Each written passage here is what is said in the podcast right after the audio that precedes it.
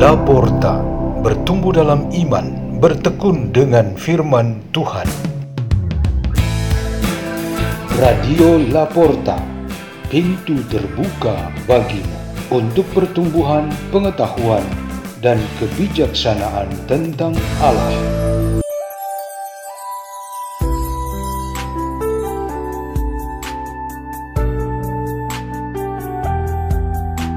Bacaan dan Renungan Sabda Tuhan Hari Sabtu, Pekan keempat Prapaskah 2 April 2022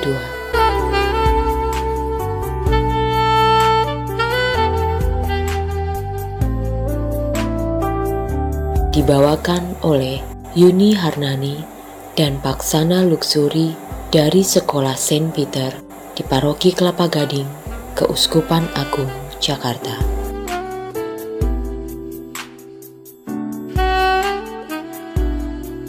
Bacaan dari kitab Yeremia pasal 11 ayat 18 sampai 20. Nabi berkata, Tuhan memberitahukan ancaman-ancaman yang dirancang orang terhadapku, maka aku mengetahuinya. Pada waktu itu engkau ya Tuhan memperlihatkan ancaman mereka kepadaku. Dulunya aku seperti anak domba jinak yang dibawa untuk disembelih.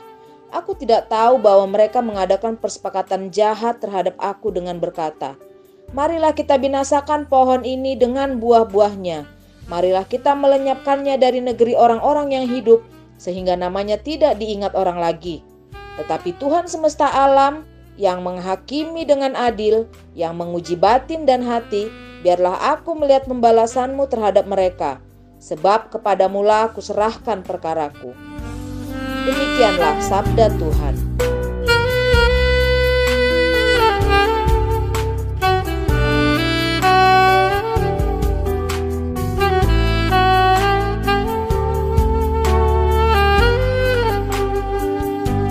Renungan kita pada hari ini bertema Tuhan memberitahu.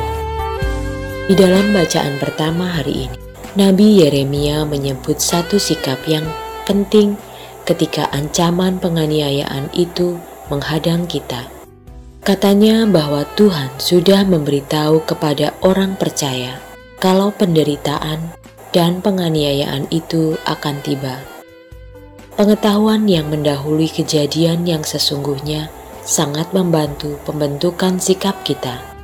Sikap menghindari, lari ketakutan, menyerah sebelum berjuang, menghadapi dengan keras, dan rela bertahan demi kebenaran merupakan sikap-sikap yang umumnya kita lakukan. Yeremia mempunyai panggilan khusus dari Tuhan Demikian juga Yesus Kristus mengemban misi yang dipercayakan Bapa kepadanya. Bersamaan dengan ini, Bapa di surga juga memberitahukan mereka bahwa demi terwujudnya perutusan yang dipercayakan itu, mereka akan melewati berbagai rintangan, ancaman kekerasan, dan penganiayaan.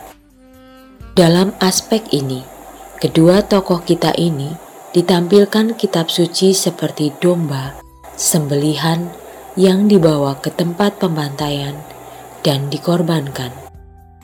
Tuhan memberitahu mereka dengan amat jelas, sehingga baik Yeremia maupun Yesus Kristus sudah siap secara mental dan rohani untuk menghadapinya. Hasil pemberitahuan dari Tuhan ini jelas menguntungkan pihak yang teraniaya karena Tuhan akan menyertai mereka dan semua itu sesuai kehendaknya. Tetapi di pihak penganiaya justru terjadi kekacauan karena kemarahan dan kejahatan di dalam diri mereka yang syarat dengan kepentingan, sehingga membuat mereka terpecah belah. Orang-orang Farisi dan para ahli Taurat tidak berada dalam kesepakatan tentang rencana jahat mereka. Hal ini cukup merepresentasikan kenyataan bahwa setiap bentuk rencana dan tindakan jahat tidak akan pernah diwarnai keadaan nyaman atau tenang, tetapi Sebaliknya, suasana batin dan jiwa yang kacau. Tuhan senantiasa memberitahu kita tentang apa yang bakal terjadi terkait dengan pilihan komitmen iman, panggilan, atau pelayanan kita. Ia memberitahukan kita dalam berbagai cara dan melalui aneka perantaraan. Dialah yang memilih dan memanggil kita, lalu mempercayakan kepada kita masing-masing atau bersama jenis tanggung jawab dan pekerjaan. Itu juga berarti dialah yang menaruh di dalam kesadaran dan keyakinan kita bukan hanya tujuan yang kita capai, tetapi lebih-lebih resiko yang bakal kita hadapi. Tidak mungkin tidak ada resiko atau efek samping dari setiap pekerjaan atau pelayanan kita.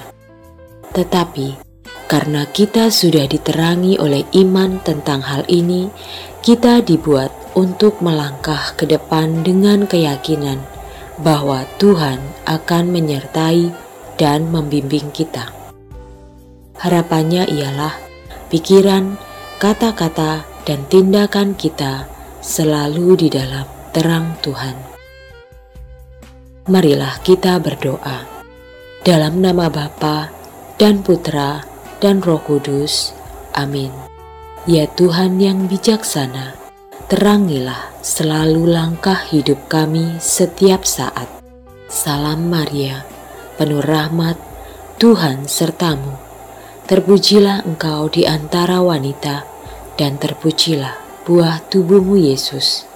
Santa Maria Bunda Allah, doakanlah kami yang berdosa ini, sekarang dan waktu kami mati. Amin.